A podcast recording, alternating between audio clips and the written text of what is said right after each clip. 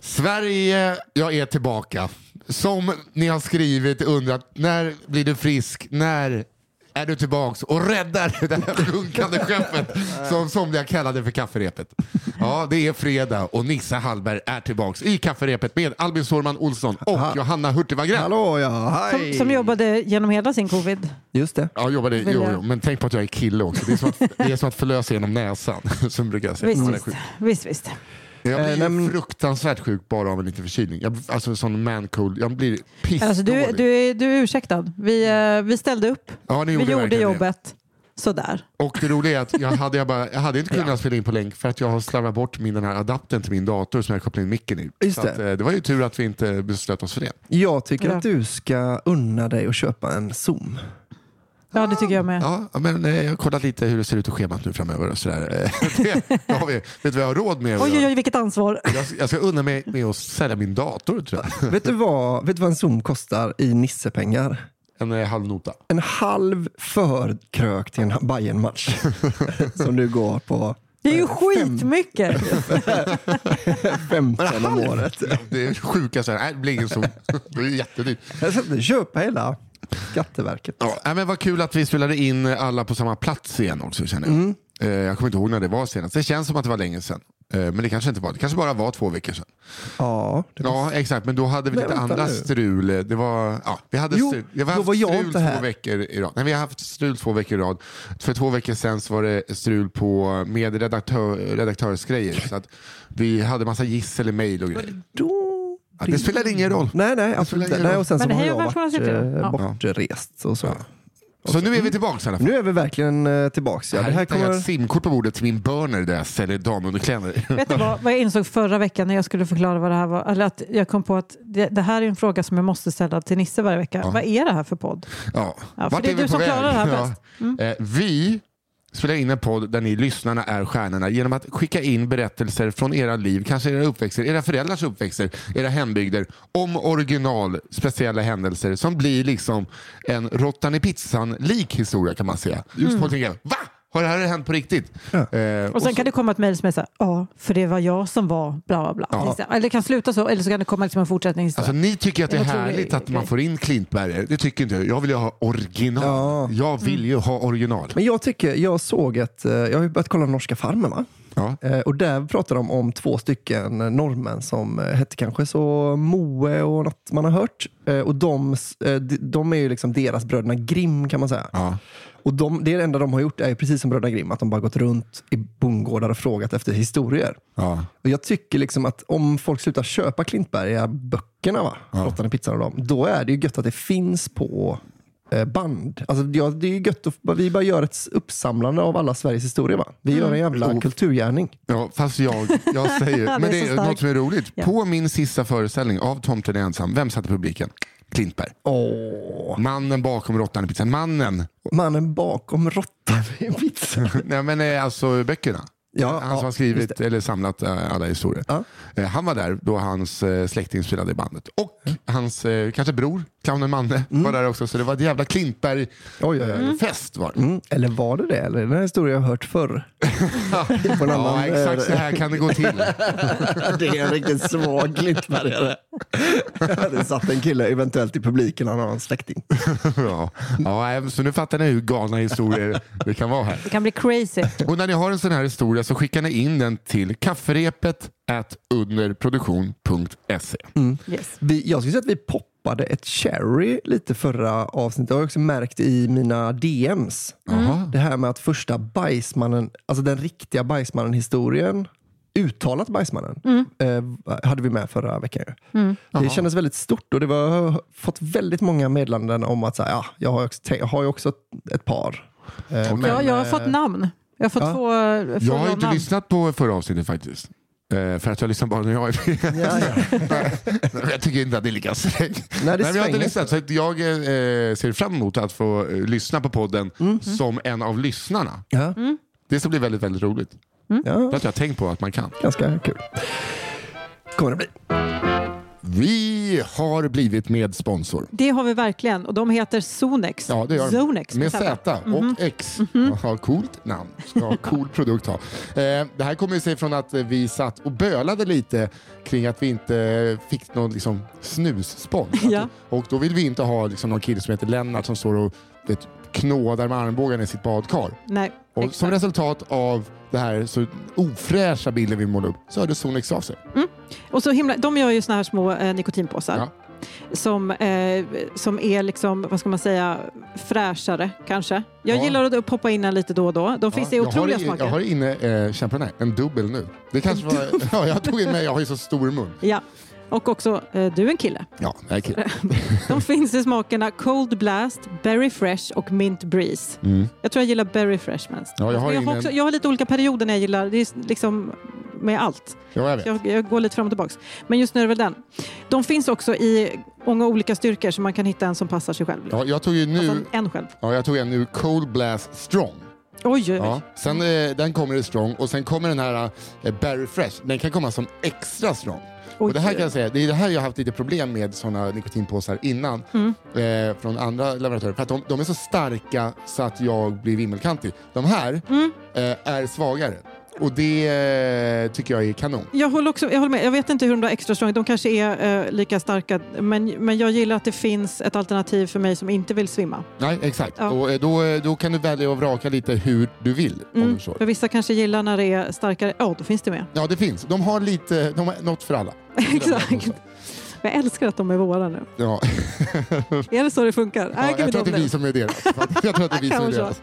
Okej. Man kan i alla fall läsa mer om man vill om Sonex på sonexonline.se eller på deras Instagram sonex-swe, alltså som det- Sweden. Ja, det här är också viktigt. Det här gäller ju bara dig som är minst 18 år. Du ska vara Gud, myndig, ja. så du ska kunna få köpa dem själv. Ja, Det är väldigt viktigt. och för, det gäller också bara folk som är redo för en otroligt eh, beroendeframkallande produkt. För det, det, här, det här är nikotin vi pratar om. Ja, exakt. Och Ja. är det någons eh, podcast som är väldigt redo för otroligt beroendeframkallande produkter är så det är det den här podcasten, Ja. Kafferepet. Yes. Vi vill bara säga tack Sonex och välkomna ombord. Okej, så eh, vi kommer alltså läsa tre historier var och sen kommer vi kora den som blir allmängods, den som blir er att nyttja som er egen. Eh, och först ut, ja, ålder före skönhet brukar vi säga i den här podden. först ut, tjejernas tjej, Johanna Men Hurtig hur ska jag gå före mig själv? Okej, eh, jag kör. Den Nej, heter... Jag måste bara säga, det har du gjort under hela din graviditet. gick du före dig själv. Jaha. Då gick, då, då gick du runt ett hörn två gånger. Mm, det gjorde jag fem gånger kanske. Herregud. Och jag älskade dig så mycket. Ja, jävla boseboll var jag. Eh, I alla fall. En olaglig walk of shame. Oj. Året är 2014. En vän till mig som vi kan kalla Anna var mycket exalterad över att precis ha påbörjat sin studietid i en av Sveriges största studentstäder. Än hade hon inte hittat boende i staden och tackade därför med tindrande ögon ja till att just denna kväll spendera natten med den vackra man hon dansat genom klubbnatten med. Det var hundra gånger bättre än att sätta sig på nattpendeln i det dyngraka skick hon dessutom befann sig i. De gick hem till honom tillsammans och det blev en natt som de båda sent skulle glömma. Men det är inte eh, av den anledning som ni tror. Detta är inte en historia om vare sig sex eller bajs. Men, va? Ja, Vilk, Nästa. usch, uh, vilken grej! Det känns lite nytt. Lite obehagligt, det kan vara Ja, känslor. Varför har du skickat den hit? Ja. Okej. Detta är en historia om att bli utelåst naken. Okej! Oh, We're back. nice. För det är precis det som händer Anna. Efter lite fumlande mellan lakanen och en kort tupplur börjar hon gå i sömnen. Rakt ut genom både ytterdörr, trapphus och tre våningar och till slut lägenhetsporten. Hon väcks ur sin skönhetssömngång när hon möts av den friska morgonluften. Fortfarande rejält förfriskad sedan klubbnatten. Hon ser förvirrat ner på sin kropp och upptäcker att allt som täcker hennes figur är ett par trosor. Ett tomt påslakan över axlarna och ett armbandsur som visar 0500. Som en Och är så glad för påslakanet. Jag är så glad för trosorna. Eh, och det också jag absolut. Anna står alltså så gott som naken mitt i den centrala staden utan varken telefon, skor eller värdighet. Efter några förtvivlade försök att ta sig in igen inser hon att hon måste tänka om. Krishanteringsenheten i hennes toxifierade hjärna går på högvarv. Hon bestämmer sig för att börja gå genom staden mot pendeltåget för att påbörja en plankaresa hem till sin egen bostadsort trots att hon inte hade sin hemnyckel. Anna, nej! Eh, okay. Hon tänkte en tacksam tanke till den sommarmånad det var just då medan hon aktade sina nakna fötter från den tidvis glassplitter och fyllekräkt täckta asfalten hon höll tempo över. Oj, alltså det är väldigt fint skrivet. Otroligt. Höll tempo över. Hennes plan avbryts dock när hon stöter på en ung man som nästan välter av sin cykel när han ser hennes avklädda gestalt. Mm. Lång historia kort. Denna underbara man hjälper Anna genom att sätta henne i en betald taxi med mannens lägenhetsnyckel i hennes hand. Mannen själv behövde cykla vidare till sitt arbete men berättade att hans flickvän skulle vara hemma. Man skulle kunna tro att his historien tar slut här. Man skulle också kunna tycka att detta är nog med förnedring för ett och samma tillfälle. Men riktigt så mycket tur hade inte Anna. Taxi rullar och Anna använder all sin alkoholpåverkade tankekraft för att repetera och minnas mannens portkod. Taxichauffören släpper av Anna i ett för henne obekant bostadsområde och kör iväg illa kvickt. Till sin fasa upptäcker Anna att hon inte har en susning om vilken av alla tiotal lägenhetshus som är hennes måldestination. Fasan fortskrider när hon lär sig att alla tiotals hus har samma jävla portkod. Hon har inget annat val än att testa nyckeln i varje lägenhetsdörr i vartenda lägenhetshus. Halv sex på morgonen också. Mhm. Detta tills att hon lyckats eh, hitta den lägenhet som just denna tidiga morgon ska ge den efterlängtade möjligheten att skyla hennes spöklika lakangestalt från fler främmande blickar. Hon påbörjar utförandet av sin plan. Trappor upp och trappor ner om och om igen. Efter att hon tagit sig igenom åtminstone åtta hus utan att hitta rätt dörr befinner hon sig eh, på gatan på väg till nästa hus. Det är klockan tio. Ja. Ja, nu går Då- folk på lunch. Ja. Bygga lunch. Då kör en polisbil runt hörnet och saktar in, in till Anna. Tydligen hade inte de boende i området uppskattat att hon försökt ta sig in i deras lägenheter klockan 5.30 på morgonen. Anna tas med in till den lokala polisstationen. Hon får sitta ner och dra sitt påslakan tätt omkring sig i hopp om att hennes nakna rumpa inte ska synas allt för mycket. Medan hon förklarar vad som har hänt och att hon inte alls är någon inbrottstjuv. I alla fall inte med flit. Tack och lov var poliserna inte svåra att övertyga men det måste vara deras bästa arbetspass Ja. någonsin. Vilken historia kommer hem till. Ja. Nu ska ni få höra vad farsan har gjort idag. Eller mamma såklart, det kan ju vara. Ah.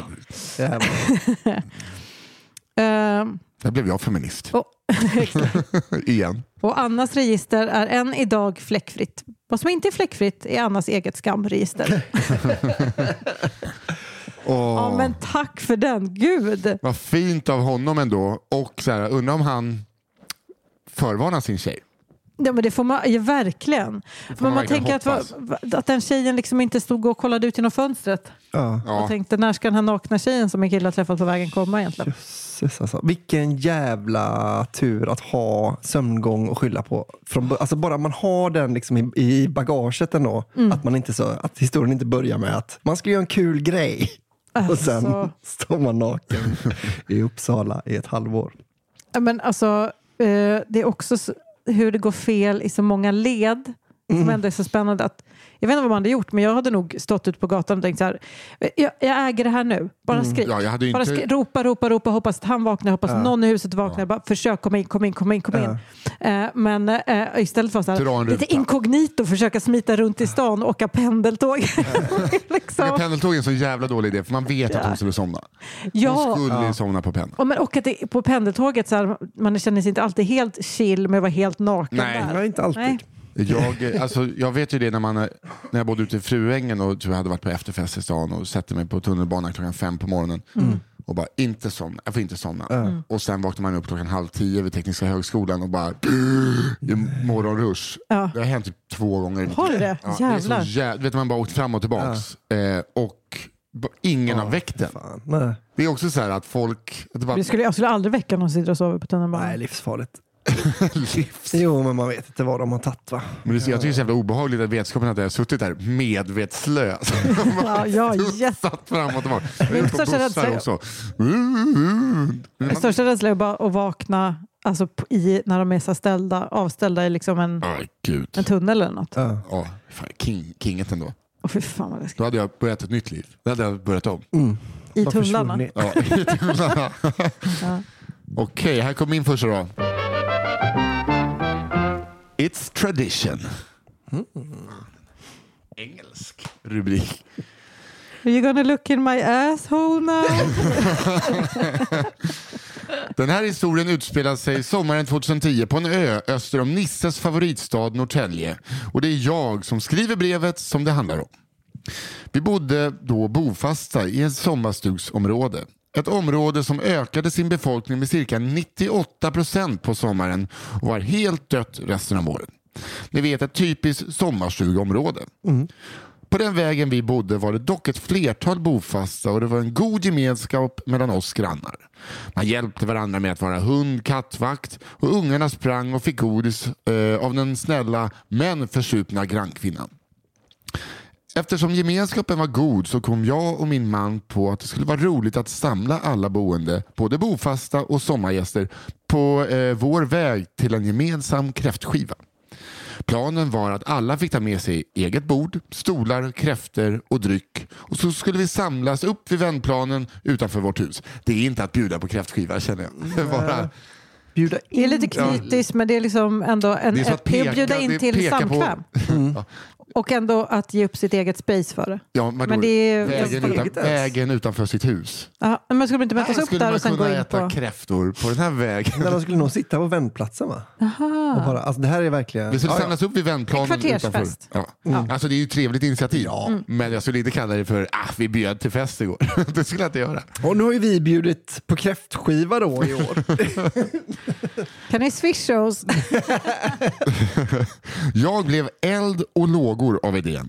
Går alltid in med 110% när jag får en bra idé. Och satte mig och gjorde handskrivna inbjudningar till alla grannar med hjälp av ungarnas färgpennor för att göra det extra festligt. Det var gulligt. Ja, vad gulligt. Inbjudningar blev klara och jag och min man gick ut för att knacka på hos grannarna för att bjuda in dem till vår gemensamma kräftskiva. På vår väg bodde ett par vars man kom från Australien. Han förstod ingen svenska och just denna dag var hans fru inte hemma. Jag är den första att erkänna att mina engelska kunskaper inte är de bästa och speciellt inte när jag talar med engelskspråkiga. Då låser det sig. I alla fall så knackar vi på hos dem och mannen, vi kan kalla honom John, öppnar. Jag är väldigt överexalterad över vår otroliga idé att ha en gemensam kräftskiva och börjar ivrigt att förklara på en knackig eh, svengelska vad det står på lappen. I mitt ivriga tillstånd har jag helt glömt vad kräfta heter på engelska och efter ett snabbt överslag i min hjärna kom jag på att stjärntecknet kräfta heter cancer på engelska. Så på otrolig svengelska, tror ni kan föreställa er hur det låter, kommer det ur min mun.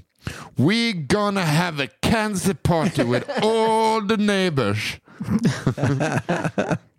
Eh, John blir tyst och tittar på mig med en konstig min. Jag fortsätter. It's tradition. You eat cancer and drink snaps. You eat cancer.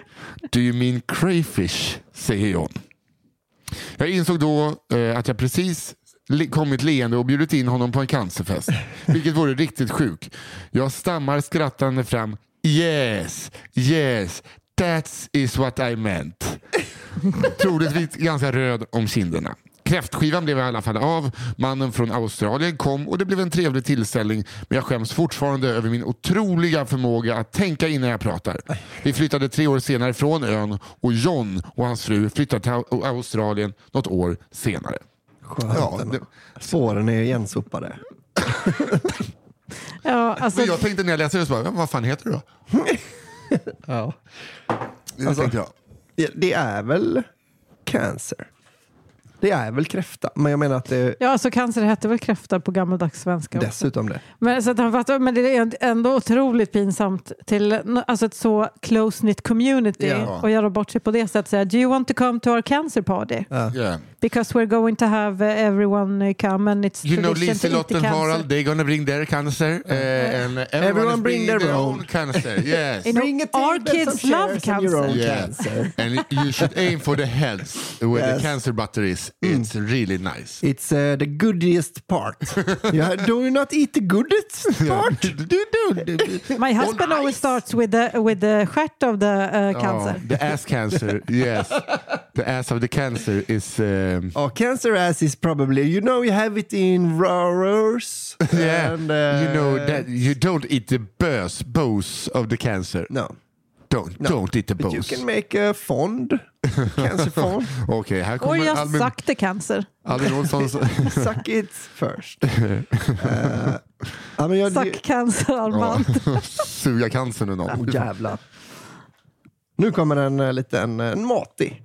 Man kan, ja. Den heter Hälften gris, hälften nöt. Det här är en anek- Det var jag på att säga en person. Ja. Nej, men bara, det var bara liksom en skämttourette i mitt huvud som jag låste in och kastade nyckeln på. Ja, ja, ja. Det här är en anekdot från 90-talet om en egensinnig grisbonde från östra Värmland vars 100% frigående grisar som åt upp grannarnas tulpanodlingar och bökade sönder gräsmattorna var en följetong i både lokal och nationell media. Han gästade eh, till exempel Sivert Öholms nattcafé för att diskutera sina älskade djur och varför de var överlägsna vanliga skogsmaskiner när det gäller markberedning. Han påminner lite om en blandning mellan Thomas Wassberg och Glenn Strömberg. Temperament och samarbetsvillighet från Wassberg och utseende från Glenn Strömberg 1990. Anekdoten kommer från min kollega som på den tiden arbetade som handläggare på Kronofogd. det är där man fattar lite. Som handläggare på Kronofogden, Kronofogdemyndigheten, heter det så? Ja, hos fogden. Mm, Fogden. Kronofogden hade sedan tidigare bestämt att mannen skulle avhysas från sin hyrda gård och min nuvarande kollegas dåvarande kollega fick i uppdrag att åka dit på ett besök för att på något sätt försöka inleda ett samtal med den egensinnige och småaggressive svinaherden. Väl på plats hos den märkliga mannen blev han välkomnad in i en ruggig husvagn som stod parkerad på gårdsplanen utanför bostadshuset. Grismannen hade förberett med både kaffe och ett par kanelbullar vilket fick besökaren att tro att den annars så omöjliga mannen ändå ville visa sig från en något positivare sida. Han hade hört från sina kollegor att det gäller att försöka stryka honom medhårs och att han, eh, han snabbt kan sätta sig på tvären för minsta småsak och att han då blir helt omöjlig att ha att göra. När Kronofogdens utsände hade slagit sig ner i den brunorangea tygsoffan fiskade grisbonden snabbt upp två kaffemuggar ur diskhon samtidigt som han spottade lite snabbt på den andra handens pek och långfinger, snabbdiskade sedan muggarna genom att föra sina nyfuktade fingrar längs Åh, insidan nej. av dem. Och De är gommare. ja, de är nygommade de här kopparna. Eh, ställde efter en snabbare okulärbesiktning ner dem på bordet. Just som han skulle fylla på fogdens kopp satte denna snabbt handen över muggen. Det är bra för mig tack. Eh, jag tog en kopp på vägen hit. Jaha ja, ska du ha en bulle då? Tanken på att äta något som eh, hanterats eller kanske till och med bakats av den här mannen fick inte direkt att vattnas i munnen på kronans apostel. Jag hoppar över det. Måste dra ner på sötsakerna, sa han samtidigt som han med ett framtvingat leende klappade sig lite på den minimala gubbmagen. Kronofogden kände direkt hur stämningen sjönk dramatiskt av den illa mottagna gästfriheten. Den nästan överdrivet positive gr griskramaren suckar nu ljudligt innan han stoppar i sig en halv bulle och med tydlig irritation lät blicken vandra från besökaren ut genom husvagnsfönstret för att sedan landa någonstans långt bort i fjärran. Jaha, ja, mullrade bonden samtidigt som han strök sig över mustaschen och övertydligt visade att han aktivt ignorerade den nu lite obekväma kronofogden vars förhoppning om ett givande möte långsamt gled honom ur händerna. Det dröjde inte många minuter innan den småstressade kronofogden insåg att det nu gällde att ta fram sina medlarkunskaper. När han tittade runt lite i husvagnen fick han syn på en liten skål fylld med hasselnötter på fönsterbrädan och tänkte att den avvisade kanelbullen kanske skulle kunna kompenseras av att han istället tog för sig av nötterna. De såg både rena och fräscha ut och även om han var lite tveksam till att äta av något som de där gris och spottimpregnerade fingrarna kan ha vidrört så satt han inte direkt med trumf på hand. Han stoppade i sig några nötter och började tugga samtidigt som han tittade på den rufsiga grisbonden. Ingen reaktion. Det var dock inget fel på nötterna, så han rafsade åt sig ytterligare en näve och just som han hade börjat knapra på dem så vände sig bonden mot honom med, med ett lite finurligt leende på läpparna. Alltså, du tycker om nötter du? Ja, det var inte dumt det här. Du också? Nja, jag tycker inte de är något vidare. Jag suger bara av chokladen. det är trillingnötter från 16 jular. Okej, jag tar en bulle och en kaffe då. Det är, Och projektilspyan. Så där var det när jag inte åt godis när jag var sju år. Eh, på ett år. Så sög min syster av trillingnötterna så att jag fick nötterna. åh, vilken Men jävla hjälte alltså. ja. eh, men för att då kunde det finnas lite spår av choklad kvar. Ja, just det. Lukten. Andedräkt och choklad. Ja. Ja, det är riktigt äckligt eh, när man vet var den där munnen har varit någonstans. Jaha, ska Ja. jag köra min andra? Mm. Den heter Skoten har ju kört fast. Men du kan gå vidare. Det är redan jätteroligt. Den här historien utspelar sig för cirka 20 år sedan på ett ålderdomshem långt ute på landsbygden i Jämtland. Huvudkaraktärerna är en dement man vi kan kalla för Göte samt ännu en minst lika dement man vi kan kalla för Nila. Gud, vad Nila. Eh, det, är, det är inte långt ifrån originalnamnet. Man kommer inte Nej. på att någon heter Nila. Nej. Han heter ju Nilo egentligen. Du får Eftersom, gissa. Nej, exakt. Han hette det och eller massa andra. Ehm, Eftersom rent procentuellt borde minst en av dessa herrar vara av samiskt ursprung. Ah. Jaha, Ja. han valde ett samiskt namn bara. Ja. Snyggt. Ja. Nåväl. I en korridor på ålderdomshemmet hör Göte en dag någon ivrigt ropa på hjälp. Göte bestämmer sig för att lokalisera vart ropen kommer ifrån och följer ljudet som visar sig komma inifrån Nilas rum. Rättare bestämt från Nilas badrum.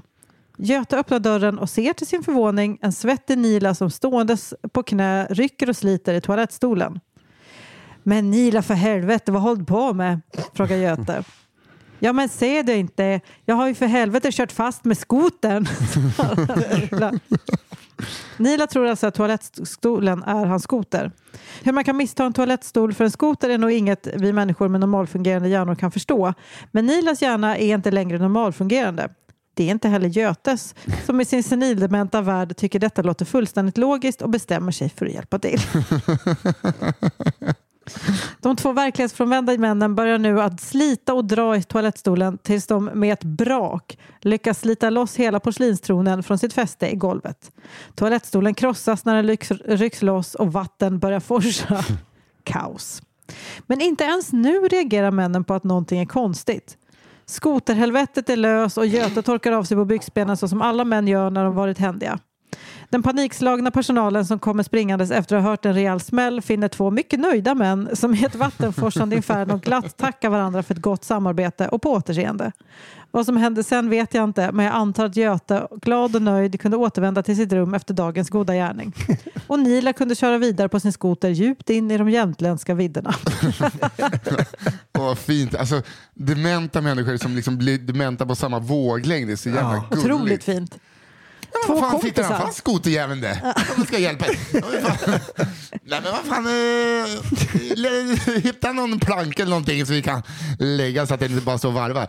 Det är kul att det enda han mindes var att han, man ska vara hjälpsam. Ja. Hjälp. Det är två starka jävlar också som de lyckas slita loss en toalettstol. Det är också så fint när det börjar läcka vatten. Vad fan, kommer ju åt tanken nu. Det. Jag vet inte varför de blev från Norrtälje men Men det passade bra. ja, får inte gosse. Okej, min andra då. Pekfingervals i köttkylen. Okej. Det låter som någonting i ett Lennart Swahn-program där. Verkligen. Det här är en historia från min ungdom för cirka 13 år sedan och utspelar sig på en gymnasieskola. Jag gick hotell och restauranglinjen och var väl inte världens bästa elev men det här handlar om två lärare som hade en romans. Erik och Birgitta. Gittan. Han var storkökslärare och hon var lärare i hygien. Båda var i 45-årsåldern och gamla kockar. Små, tjocka, gula Blend och så vidare och så vidare det är så konstig beskrivning av två människor. Små, tjocka, gula Blend och så vidare. Ja, ni vet. Fattar den då? Ja, Man, jag vet, med. man vet hur de ser ut. Ja, men jag tycker så okockiga, det är som två stycken mattanter snarare. De det kan är ha jobbat lunchrestaurang. Och som ryktet sa, svinkåta på varandra och kunde hittas hånglandes lite här och där. Ja. Ganska gulligt tycker jag. Ja, men att de liksom så här nyförälskade, svinkåta, som typ två 16-åringar. En dag när jag gick sista terminen i ettan och lallade runt i lektionsköket, fast jag hade svenska en våning upp, för att flirta med någon tjej i klassen över mig så sparkades plötsligt dörren till den stora kylen upp och ut kommer en elev springandes och gallskriker på Kristinehamnsmål, läs gnällig värmländska. Jag- kan inte göra dialekten så någon får ta den efter. Han fingerpullar henne i köttkylen! Han fingerpullar henne i köttkylen!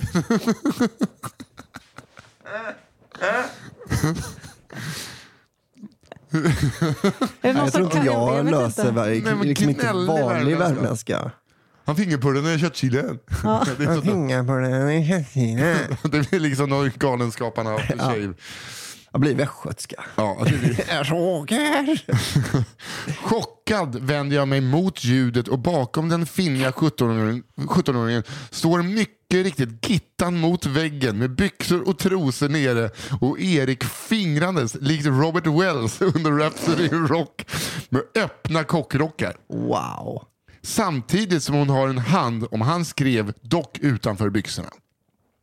Den finniga eleven hade lite nonchalant gått in i kylen för att hämta något och kommit på det hånglande paret som tagit fel på tiden och glömt bort att lunchen var över och att elever återigen skulle lära sig att skära grönsaker eller fisk eller något annat viktigt bara någon meter ifrån dem.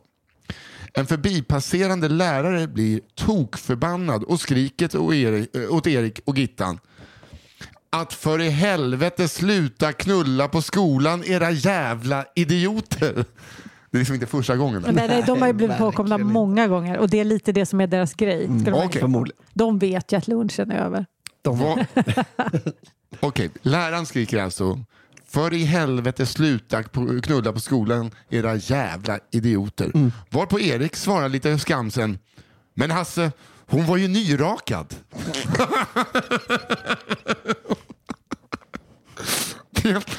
Men Hasse!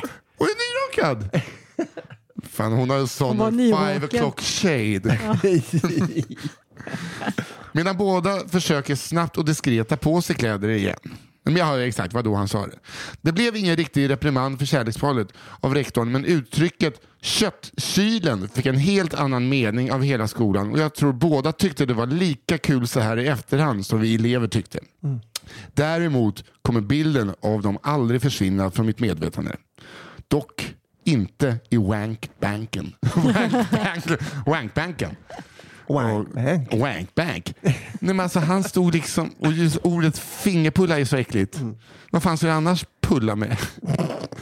Alltså, man behöver bara säga Nu heter det inte det längre, det heter att ta en tripp till köttkylen. Ja, går in och hämtar lite kallskuret. Ja, exakt. Älskling, vad tror du? Ska vi hämta lite Men kallskuret? hon, liksom, han kunde inte att hon bara, jag är ren där nere. Då Jag kan bara inte hålla mig. ja, in, lutar emot fläskfilén och Nu blir det kyrkeband. Så jag bläddrar i boken. Visa dragspjärnet. Köttjuck. Ja, det är kul att hon är då, vad var det hon var expert på? Eh, hygien. Hon var hygienlärare. Det är därför hon har rakat sig. Ja visst, jag ska inte vara hår i maten. Inga hår i maten. Åh gud. Fan.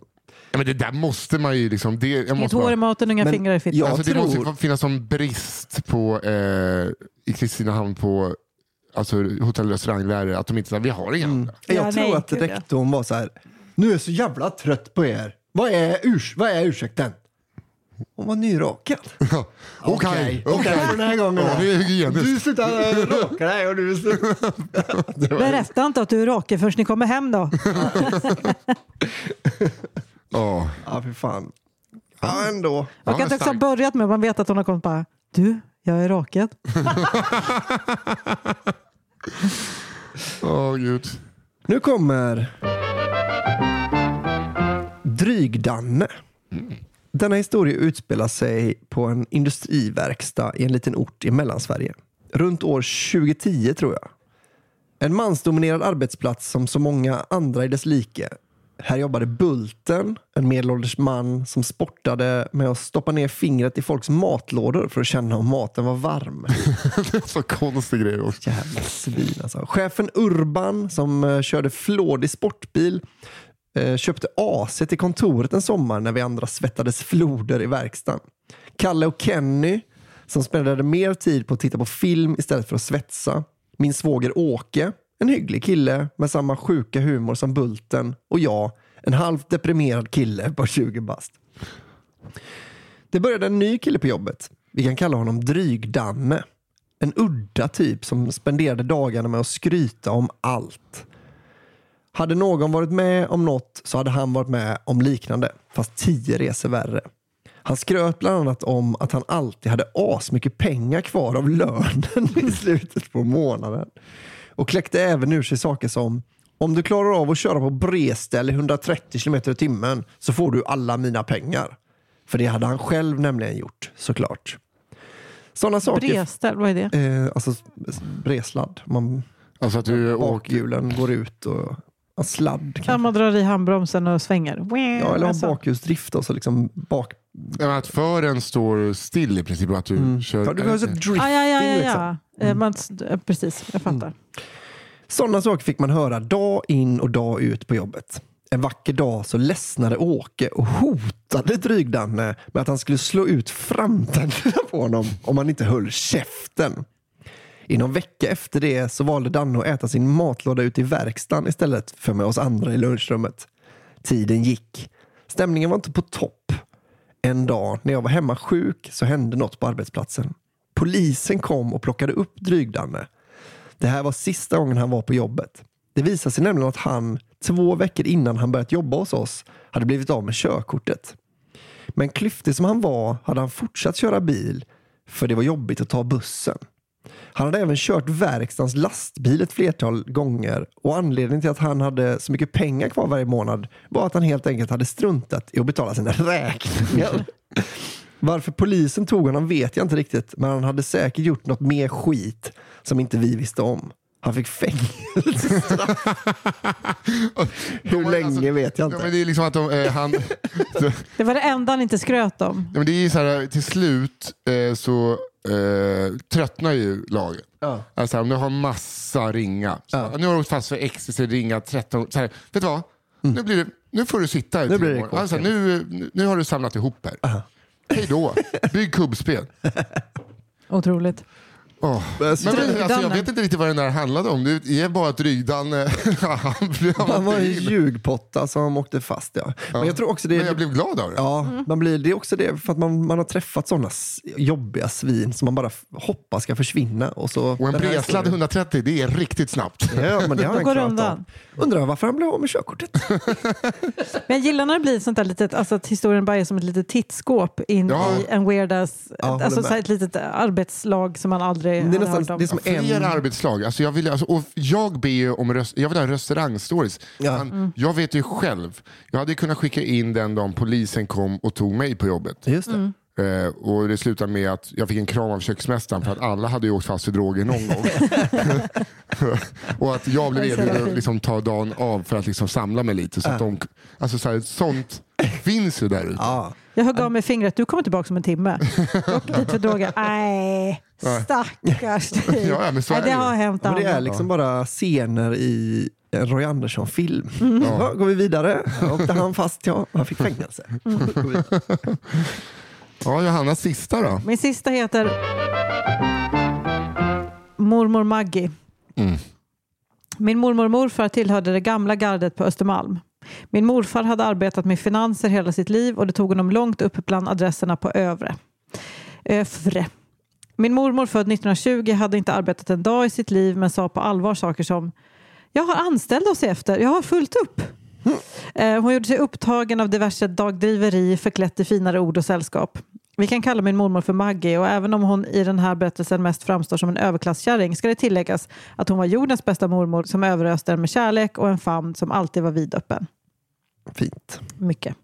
När min morfar dog knall och fall i slutet på 80-talet stod mormor plötsligt handfallen i sina nio rum och kök med räkningar att betala och en vardag att få fungerande igen. Pengar var inget problem, det fanns det i överflöd, men hon hade ju aldrig rent praktiskt betalat en räkning eller fått ett hushåll att gå runt på annat sätt än att peka med hela handen åt folk som morfar betalade lön åt. När morfar nu inte längre fanns blev kunskapsluckorna påtagligt stora i hur man helt enkelt lever ett liv. Och mormor förstod att det behövdes en ny kar i huset och det fort. Någon ny kärlek var inte tal om, då hon redan klargjort för oss alla att hon skulle gråta sig till sömns resten av livet och vakna i samma tillstånd som hon somnat. Nej, men lille. Om hon någonsin skulle lyckas somna igen. När den värsta chocken lagt sig, begravningen var avklarad och morfars företag levde vidare på annat håll så hade mormor trots allt förhoppningsvis många år kvar att ta hand om våningen hon absolut inte tänkte sälja och ett liv som skulle levas. Det var diverse utgifter som skulle betalas och lite arbete med morfars tidigare affärer. Tidigare hade hon- haft en kvinnlig hemhjälp som tagit hand om städning och matlagning till bjudningar. Men nu skulle hon ha en kar att lita på och som kunde göra de karsaker som morfar gjort tidigare. Som att köra bil. Hon började med att erbjuda tjänsten till min pappa, alltså sin svärson, som hon alltid tyckt var en rejäl människa. Min pappa hade dock egna företag att slita hund i och hade ingen lust att flytta hem till svärmor på heltid.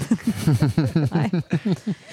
Då gick frågan vidare till min mosters man som mest ägnade dagarna åt att vara svag i diverse nerver för att slippa jobba och som nog faktiskt hade kunnat tänka sig att ta anställningen, men hans fru sa nej. Detta eftersom hon planerat in att skilja sig från honom men inte hunnit berätta det än. Och det här Det det passar är som en jävla Wes. Anderson-film verkligen. Gud. Sen var det slut på manliga kandidater. Eh, mormor hade ingen son utan bara två döttrar. Min mamma och moster. Och här behövdes som sagt en redig kar. Det var helt enkelt dags för en butler. Det fick bli en, Åh, vad hände med butlers då? ja, verkligen. Det fick bli en annons. Eftersom mormor förstod att hennes jakt efter en karl till hushållet var lite uppseendeväckande och dessutom ovanlig för svenska ögon sökte hon sig istället till butlernas hemland, England. Hon tog hjälp av sin mycket företagsamma väninna som vi kan kalla för Bibi, såklart, because that's her name. Eh, och annons sattes in i ett par engelska tidningar och efter ett par veckor började ansökningarna strömma in. Allt detta skedde helt utan min mamma och mosters vetskap och förvåningen var därför stor när vi alla blev bjudna hem på middag till mormor en lördag i mars och vi redan i hallen möts av en stilig herre som vi kan kalla Andrew. Andrew hälsar oss välkomna på en mycket vacker och Londonklingande engelska. Andrew tar våra ytterkläder och bakom honom står mormor och ler så att båda tandraderna skiner som pärlemor i truten på den nöjda tanten. Det här är Andrew och honom har jag köpt från England förstår ni. Åh, gud. Åh. Förstår ni? Honom har jag köpt. Mamma får ett litet själsligt bryt och har på tre sekunder hunnit dra upp det olämpliga i att jämföra en människa med en handelsvara samt att överraska sin familj som mormor just gjort. Eh, Det går några år och Andrew blir kvar. Vi lär känna den mycket korrekta mannen som nu ständigt finns vid mormors sida som inte bara kör henne överallt hon ska utan även sköter diverse finansiella kontakter och nödvändigheter som mormor behöver hjälp med. Andrew är en man på dryga 60 år utan någon egen familj hemma i London men med en bror i Skottland och en syster i Danmark. Andrew har ett eget rum hos mormor och än idag vet varken jag eller mamma någonting om hur det där egentligen gick till. Han liksom blev en del av mormors liv, men som anställd. Vi har givetvis spekulerat fritt i om det ingick fler tjänster i Andrews uppdrag som kar i huset än att bara köra bilen och hålla koll på lite av vardagsfinanserna. De hade hur som helst ett väldigt fint förhållande till varandra och även om mormors engelska aldrig var på topp, Andrews svenska nästintill obefintlig, så fanns det ett mycket starkt osynligt band mellan de två. Mina föräldrar, även de finansiellt privilegierade men med fötterna betydligt mer i, i myllan än mormor, köper i mitten av 90-talet en gård utanför Stockholm. Jag, mina föräldrar och min syster flyttar dit och det är dags att bjuda in mormor för husesyn med efterföljande middag. Det är augusti. Prunkande sommar och gården ligger vid Mälaren. Nere vid vattnet finns ett lusthus och en brygga där vi ska dyka upp till kräftskiva. Mormor och Andrew kommer på utsatt tid och Andrew springer runt bilen för att öppna dörren till mormor som kliver ut och tittar gillande. Det här fick mig beröm godkänt. Hon kliver runt i huset mellan rummen och nickar instämmande. Middagen ska serveras nere på bryggan, vilket mormor ställde sig mer frågande till eftersom man då fick gå eh, på en snäv stig hela 50 meter innan man var framme. Mormor stapplar sig fram med handväskan hårt i famnen och med en stöttande Andrew under armen. Mormor äter och mår helt enkelt toppen där nere i kvällssolen. Andrew som aldrig ätit kräftor, Cancer. eller cancer, cancer eh, sitter spikrak i ryggen och gör sitt bästa för att både suga av, eh, suga av havets insekter med värdighet samt vara beredd på att serva mormor med allt från tappade servetter till påfyllning av vinet. För vin drack hon, tanten. Det blev faktiskt som ett litet överslag just den där kvällen när livet var så härligt och mormor hade nog druckit både två och sex glas vin medan tiden gick. Plötsligt snäser hon som en onykter person odiskret snäser på svengelska till Andrew att han måste komma och det är nu. Lite vingligt på benen men med handväskan i ett fast grepp reser hon sig upp och meddelar att hon alldeles snart är tillbaka. Mamma försöker lägga sig i och vill hjälpa till men det blir genast avsnäst. Mormor har Andrew och det här angår bara honom. De ska strax vara tillbaka. Det går en stund och mamma börjar oroligt flacka med blicken mot huset för att se var de två tog vägen. Då ser vi mormor. Från stigen kommer hon igen mot bryggan och är högröd i ansiktet. Andrew ser bedrövad ut och gör sitt bästa för att assistera den fulla damen. Tio meter från bryggan där vi sitter stannar mormor och vrålar. Huset är ju låst! Mamma. Nej, det är inte låst men handtagen till verandan är tröga. Jag kommer och hjälper dig. Huset var låst och nu är det för sent. Min pappa som vid det här laget hade druckit både en och tre snapsar säger skojfriskt. Kom det kiss i pantalongerna nu Maggie? och gud, jag ser verkligen, vad heter han, nej förlåt, vad heter han den där skådespelaren, nej, från Ondskan, taskiga pappan, vad heter han? Ja, Johan Rabaeus. Ja, Johan Rabaeus. Kom det kiss i pantalongerna nu Matti? Maggie, den. Varpå mormor tar ännu ett snedsteg och vrålar. Nej, inte det, men det andra. Det går upp för oss att mormor skiter på sig och mamma blir så ställd att hon tjoar tillbaka medan hon rivstartar för att ta sig till mormor. Men mamma, nu går vi in och tar hand om det där och sen har det aldrig hänt. Mormor kontrar med. Kommit har det redan men inte på mig. Hon har skitit på butlern. Andrew som står rak i ryggen med mormor under armen pekar långsamt mot mormors väska och säger lågmält It's in the purse.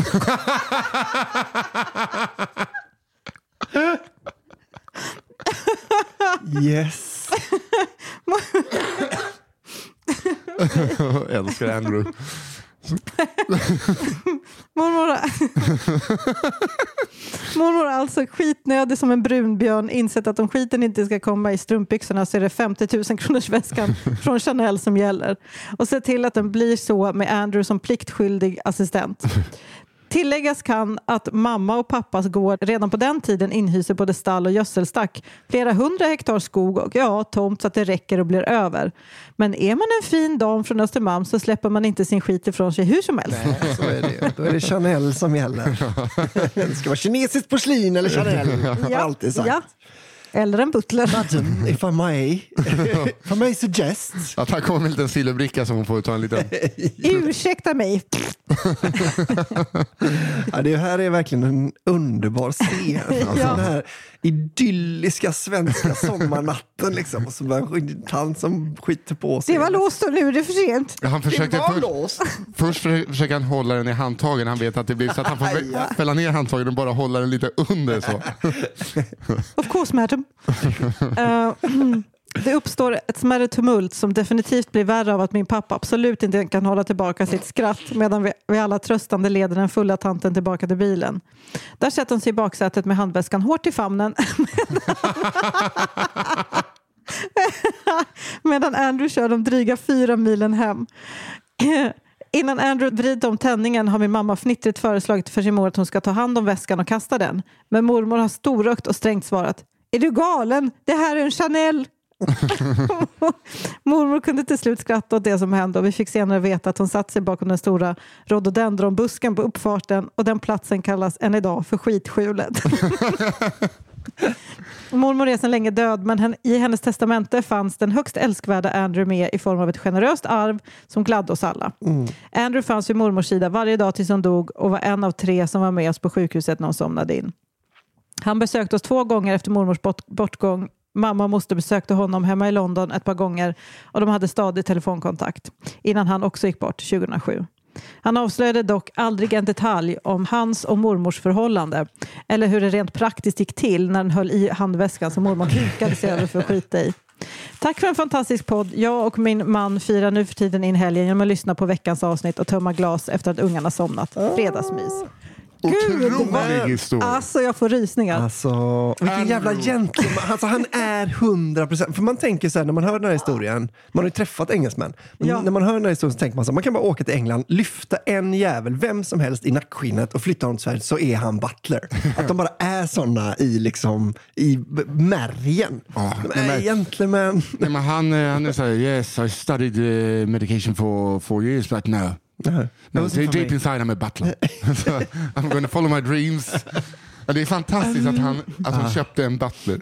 Man är ju nyfiken på hur många år han var med nu. Det fick man inte reda på va? Det måste väl blivit några stycken ändå. Alltså jag tycker också, alltså, för att det blir ju den här känslan av, "Åh, gud han är ju där och är livegen. Ja. Och då är det så jävla rätt att han står med i testamentet, 'cause that's why you do it. Anledningen till att man blir butler är för att you can retire comfortably. Ja. Ja. Han dog ju. Jo men det, han han ju Ja, ändå han göra hann ju det. bränna lite stålar hoppas vi. Ja. Men fan, här, vilken, eh, det Ja, känns som att eh, den. hon ändå var en god tant. Hon kändes Ja. inte som en elak, hon kändes som en snäll tant. Men eh, för att citera, parafrasera Evert Taube då. Mm. Vem fick väskan? Chanel-väskan, vem fick den i arvet? Ja, just det. Om hon behöll den rekondare den va? Den borde liksom Värd mycket som glasas helst. in och visas upp. Tänk om det var den han fick. Det var det som var Ett det sista generösa arvet. Den är värd 50 000 till så man öppnar den. Det är, lite så, det är som ett bankfack som är värt mer oöppnat. Det är som de här katterna i den här lådan med, vad heter den? Schrödinger. Förlåt, Schrödingers låda. Mm, mm. Eller Ja, om man den. säger det. Du vet. Nej. Ehm, Är du ingen kvantfysiker? Nej, det är jag inte. Jag är, jag är en ganska kass kille faktiskt. Jävla dåligt självförtroende. Gud vad det droppade. En sak du inte... Nej, men det är mycket, det är mycket jag inte kan. Jag är en ganska kass kille. Ja, Schrödingers katt säger man väl? Schrödingers katt ja. Mm. Ja, eh, här är någonting jag förstår mig på. Blåbärsmössan. ja, Okej, min sista då. Blåbärsmössan. Min kära far är polis i ett mindre samhälle och har varit det de senaste 30 åren. Under dessa decennier har han sett mycket skit och för att ta sig igenom mycket skit måste man ha lite distans till det. Detta har då i sin tur lett till att han kommer med det absolut mest otippade och sjuka anekdoter när jag sätter på helt normala problem. Historien jag nu ska berätta är ett exempel på en sådan anekdot. Det hela började med att jag som vuxen hade stopp i mitt avlopp i handfatet och var tvungen att rensa det på egen hand. Då passade han på att berätta anekdoternas anekdot. Ju så de dödade Palme vet du. Det var så de fick Palme vet du. Med ett igenkloggat avlopp va? Var så de fick han. Och det var just handfatet. Det är en historia från mitten av 90-talet när jag var bebis. Jag var knappt fyra månader och hade fått en gullig, virkad fin blåbärsmössa av min mormor. Mormor hade satt sin egen prägel på mössan och sytt fast pärlor på den. Så det syntes att den var från henne. En dag när min pappa kom hem med mig i vagnen hade jag tappat blåbärsmössan. Den var spårlöst försvunnen. Senare under samma månad jobbar min pappa på ett nattpass och får åka ut på ett inbrott i en skola i det lilla samhället. Min pappa fick information om att det inte var en hotfull situation. Inbrottet hade skett under kontrollerade omständigheter då skolan delvis renoverades och det var lätt att komma in i den. Min pappa och hans kollega cirkulerar runt skolan utan att hitta någon inbrottstjuv. Men sedan kommer det till toaletterna. Där möts de av en syn som de, och nu ni, sent kommer att glömma. De ser att det ligger en del rördelar och ett handfat på golvet. De lyfter blicken och ser sedan en naken röv som står och juckar in mot väggen. Det är alltså en man som juckar in i röret i väggen som vanligtvis är kopplat till handfatet. Ni vet det där röret där hår och slemmiga grönsvart massa samlas? Ja, det röret.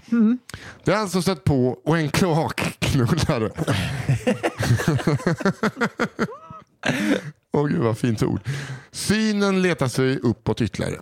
Vad ser då min pappa där? Jo, sin förstföddes blåbärsmössa som varit borta. Min pappa ser alltså en man knulla en vägg och på huvudet har mannen min blåbärsmössa med min mormors pärlor. Nej, men alltså det är för sjukt. Kloakknullaren grips givetvis. Men kom uppenbarligen snabbt på fri fot igen eftersom att min pappa bara några dagar senare såg honom ute i samhället. Om han eh, fortfarande hade blåbärshatten på sig? Jajamän.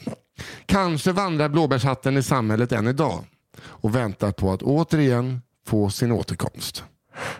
Wow. Ja, det var verkligen. Att, alltså, att pappan har suttit och hållit på den tills hon får stopp i, i han får då bara känn på den här då. Stopp i avlopp ser du. Jag har en historia om, om jag har en historia om avlopp. Om om jag av- har en historia. Ja, Och ja, det har du är jag. med i den. Det ska man kunna säga. Men fattar du ändå så här, okej fy fan nu är jag kåt, vad är mössan där? Den, okej vad, fan, vad fan ska jag göra? Blåbärsmössa, ikväll blir det knulla. Ja, fy fan. Och, så här, oh, vad ska, oh. och bara, skotern har kört fast. Jävla skit också. Men att bryta loss ett handfat för att knulla in i det äckligaste lilla hål Ja. som människan känner till. Vad sa du om mig? Ska bara. Handfatet var grädd. De kallar mig handfatet. Nej, men jag duschar På med blåbärsmässan Johan. Handfatet är öppet. Jag är orakad. Att man bara kan dra hårstrån ur dig. Ser ut som små sardeller. Man. En brunblå sörja. Åh gud. Man vet, man vet att det är stopp när du dricker vatten och det börjar rinna i munnen. Då vet man att man måste ner och rensa. Nej, nu är i fickan igen. Det blir, det blir superrent i kröken. Fram med WC-ankan.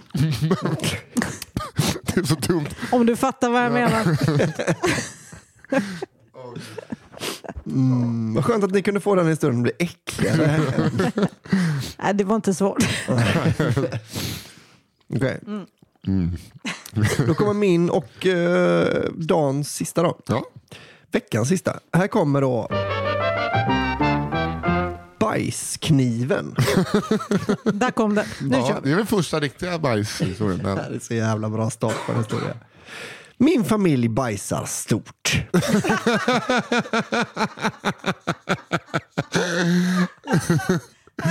Ja, vad betyder det? Okej. Kanske är det genetiskt, kanske är det vår kost, men alla föder gigantiska stockar av bajs. Om man någon gång har lagt en megabajskorv så vet man hur svårt det kan vara att spola ner. Den kan ligga tvärs över hålet i botten av skålen och virven av spolande vatten ger den bara en liten hånande snurr. När jag växte upp förekom detta så ofta i min familj så vi hade något som vi kallar bajskniv. Nej. Och nu var jag illa. Och ändå har vi pratat om kloakknull ett tag. Det var en gammal rostig kökskniv som hängde på en spik i städskåpet. Bara för att användas till en sak. Man kunde gå genom hallen och höra någon ropa från toaletten. Kan du ge mig bajskniven? Jag trodde detta var ett vanligt verktyg. Du har din röda vaskrensare med trähandtag, din toalettborste och din bajskniv. Men nu spolar vi fram till jag var 22 år. Det hade gått en dag eller två eh, sedan jag sist sket och jag är hemma hos min vän. Min vän är den lokala gräsåterförsäljaren och har alltid gäster inom citattecken över. För man kan inte köpa gräs utan att sitta och teströka först i en timme eller två. Jag känner hur det trycker på så jag ursäktar mig. Jag lägger en gigantisk skit, tittar ner och ser att den är sidledes. Det är också det. Ja, nej, den Ja, han- det blir ja. en sidledes idag. Eh, Sätesspjut. Sätesspjutning. Så jag öppnar dörren och ropar efter min vän. Han kommer och jag ber honom om hans bajskniv. Min vad? Din bajskniv, säger jag. Jag måste använda den. Vad fan är en bajskniv? Uppenbarligen har han en, tänker jag. Men han kanske kallar den för något annat. En skityxa. en bajsavdelare. Bajspinne. Jag förklarar vad det är och varför jag behöver den. Han börjar fnissa, sen skratta. Sen börjar många skratta. Det visar sig att musiken hade stannat och alla hörde mitt, mina vädjanden genom dörren. Det visar sig också att ingen av dem hade bajsknivar. Det är bara min jävla familj med sina jävla tarmar. Fuck my life. Jag berättade den här historien för min fru en gång. Hon var road och förskräckt på samma gång. Det visade sig att hon inte heller visste vad en bajskniv var och hade använt den gamla rostiga kniven som hängde i bruksskåpet som en vanlig kniv. Tack och lov lagade hon inte mat med den utan använde den för att öppna kartonger och annat dylikt. Han har inte sagt något. Hängt bajs. Ja, det här var... Det här påminner ju om bajspinnen som vi faktiskt hade Ja. Ja. några, som är som galge... Ja. Och Ja, folkbildande just av oss så, så folk vet att vissa människor behöver ha... Åh gud. Men att det är så Jag har ju vanligt varit att man liksom dedikerar en kniv till det. Nej, men Det då vet man att de är hårda också. Pinne, det är Nej, det- inte på. Fan, Pinne? bröd, brödsåg. P- pr- provar du med pinnen och tror det funkar? Det går. Hämta, hämta fogsvansen. Hämta, Men hämta. en taggad kniv! Men- Men alltså, Finns det sådana mindre fogsvansar? Har du det? Har du det eller? jag brukar ju vara sur för att så här, toalett eh, eller så här, avloppssystemet inte är dim- dimensionerat för eh, liksom, eh, mensprodukter. Att jag tycker att det är så här, vad fan är det om? Ja, just det. Eh, men då är det alltså folk som skiter så att, det, så att toan inte funkar. Ja. då, sätter in det så. det är så jävla... Avfallskvarn. ja. Man vill ha en avfallskvarn ifall det kommer en råtta upp åt andra hållet. Ja, just Bara, Ja. Prata inte med mig om sånt. nej, alltså, råttor, inte det är därför man är, alltså, aldrig vill bo på första våningen. Nej. Okej, gatan. det här blev too real. Eh, men ehm, Vilken jävla Ja. samling stories. ja, men Det alltså, började så lugnt idag och sen bara började tuffa igång. Vilken, alltså jag måste säga det, otroliga historier genomgående, men vilken jävla avslutning. Ja, mm. Vilken jävla Ja. avslutning. verkligen. Ska vi gå igenom vad vi haft? Ska jag säga mina då? Ja, gör det. Jag hade då en, eh, en olaglig walk of shame. Det var alltså Mm. Det är så eh, hon, som, hon som blev utlåst. Sen hade vi skoten har kört fast. Ja, Ja. Och sen hade vi alltså mormor Maggie Ah, som sket i Chanel-väskan. alltså. Och jag hade ju It's Tradition, alltså eh, cancerpartyt. Just det. Sen hade jag pekfingervals i köttkylen. Ja. Den nyrakade puller. All of them classics. Ja. Ja. Och sen sist men inte minst blåbärsmössa. ja. Klåknullarna. Mm. Familjen Hurtig som vi kallar det.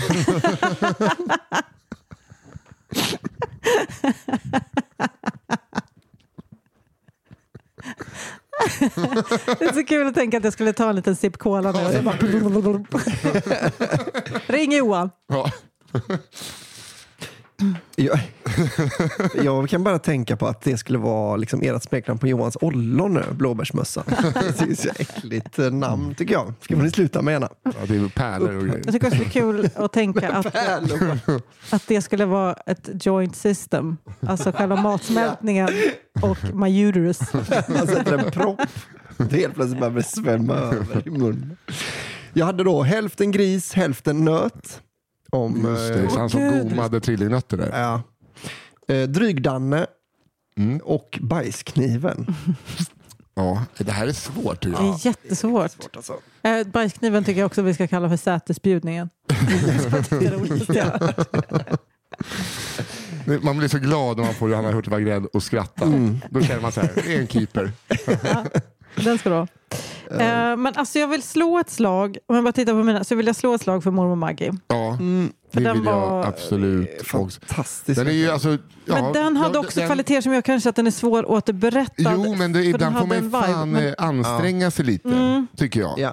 Alltså, det kan inte bara vara så här, den här är lätt. Nej. Utan Nej. det är en otrolig historia. Jag tänkte också på det när jag hörde den, att vi, vi får väl frångå det i den här gången. Alltså det Ja, kan, vi kan inte vi kan diskvalificera den här historien bara för att den är... Nej, och det var liksom så här, man bara, men vänligen någon skriver novell. Eh, liksom. Ja. Berätta, spela in, det är ju nästa sån eh, Peter Magnusson sommarfilm. Ja. Ja. Nej, men då ska eh, den inte göras. Nej, jag vet, men det är alltid de som får chansen att göra det. Eh, Men casta oss när ni ska göra den filmen. Mm. Johanna gör ju en kanontant. Ja. Och du kan också bära kan- Chanel-väska med värdighet. Ja, gud ja. Och skita i den. Inte med värdighet. Nej, det- Och om ni ska göra en, eh, den blåbärsmössan kan ni casta Johanna också.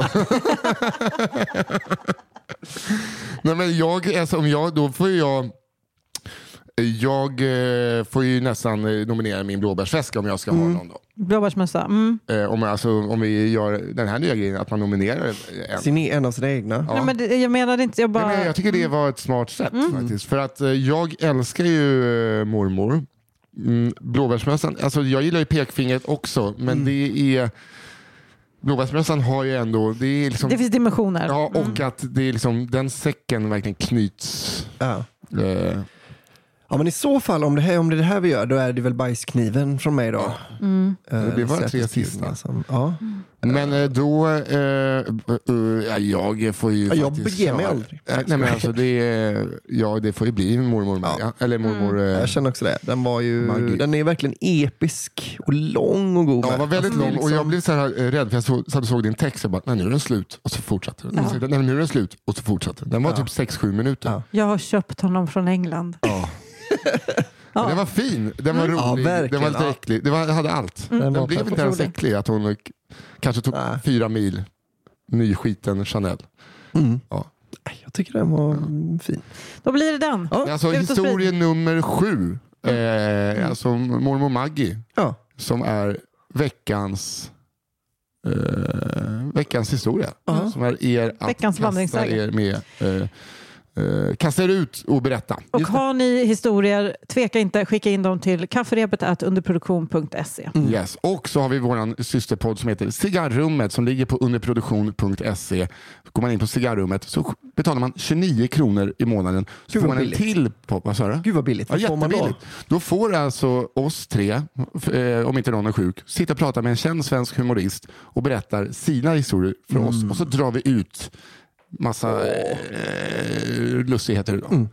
Och det finns, jag vet inte hur många avsnitt det finns nu. Så att, Oj, eh, oj, oj. Alltså det, nu är det så jävla värt att gå med. Ja, Eftersom att då har du ju en bank. Ja, några- Och sen kanske tänker så här, åh, bara 29 spänn för ett avsnitt, det är ju mycket. Jo, men ni får ju det här gratis. Mm, faktiskt. Det är, så är det. Ja, vi hade ju några hjältar som var med väldigt tidigt, men Ja. nu börjar det bli verkligen eh, riktigt Ja, det är en värt. familj. En Ja, familj det ska man eh, verkligen säga. Mm. Och det partyt vill man vara med på. Men hörni, tack för den här veckan och tack så mycket Fiel Walmström som är vår Ja. redaktör. Tack eh, Daniel Aldermark på One Touch Edit som är vår otroliga klippare som löser allt det tekniska strulet som alltid uppstår Ja, han är nästan. Och tack framförallt er som skickar in historier. Ja, det är ju ändå bäst. Kafferepet at underproduktion.se. Vi behöver fler, vi behöver alltid fler. Vi älskar dem alla.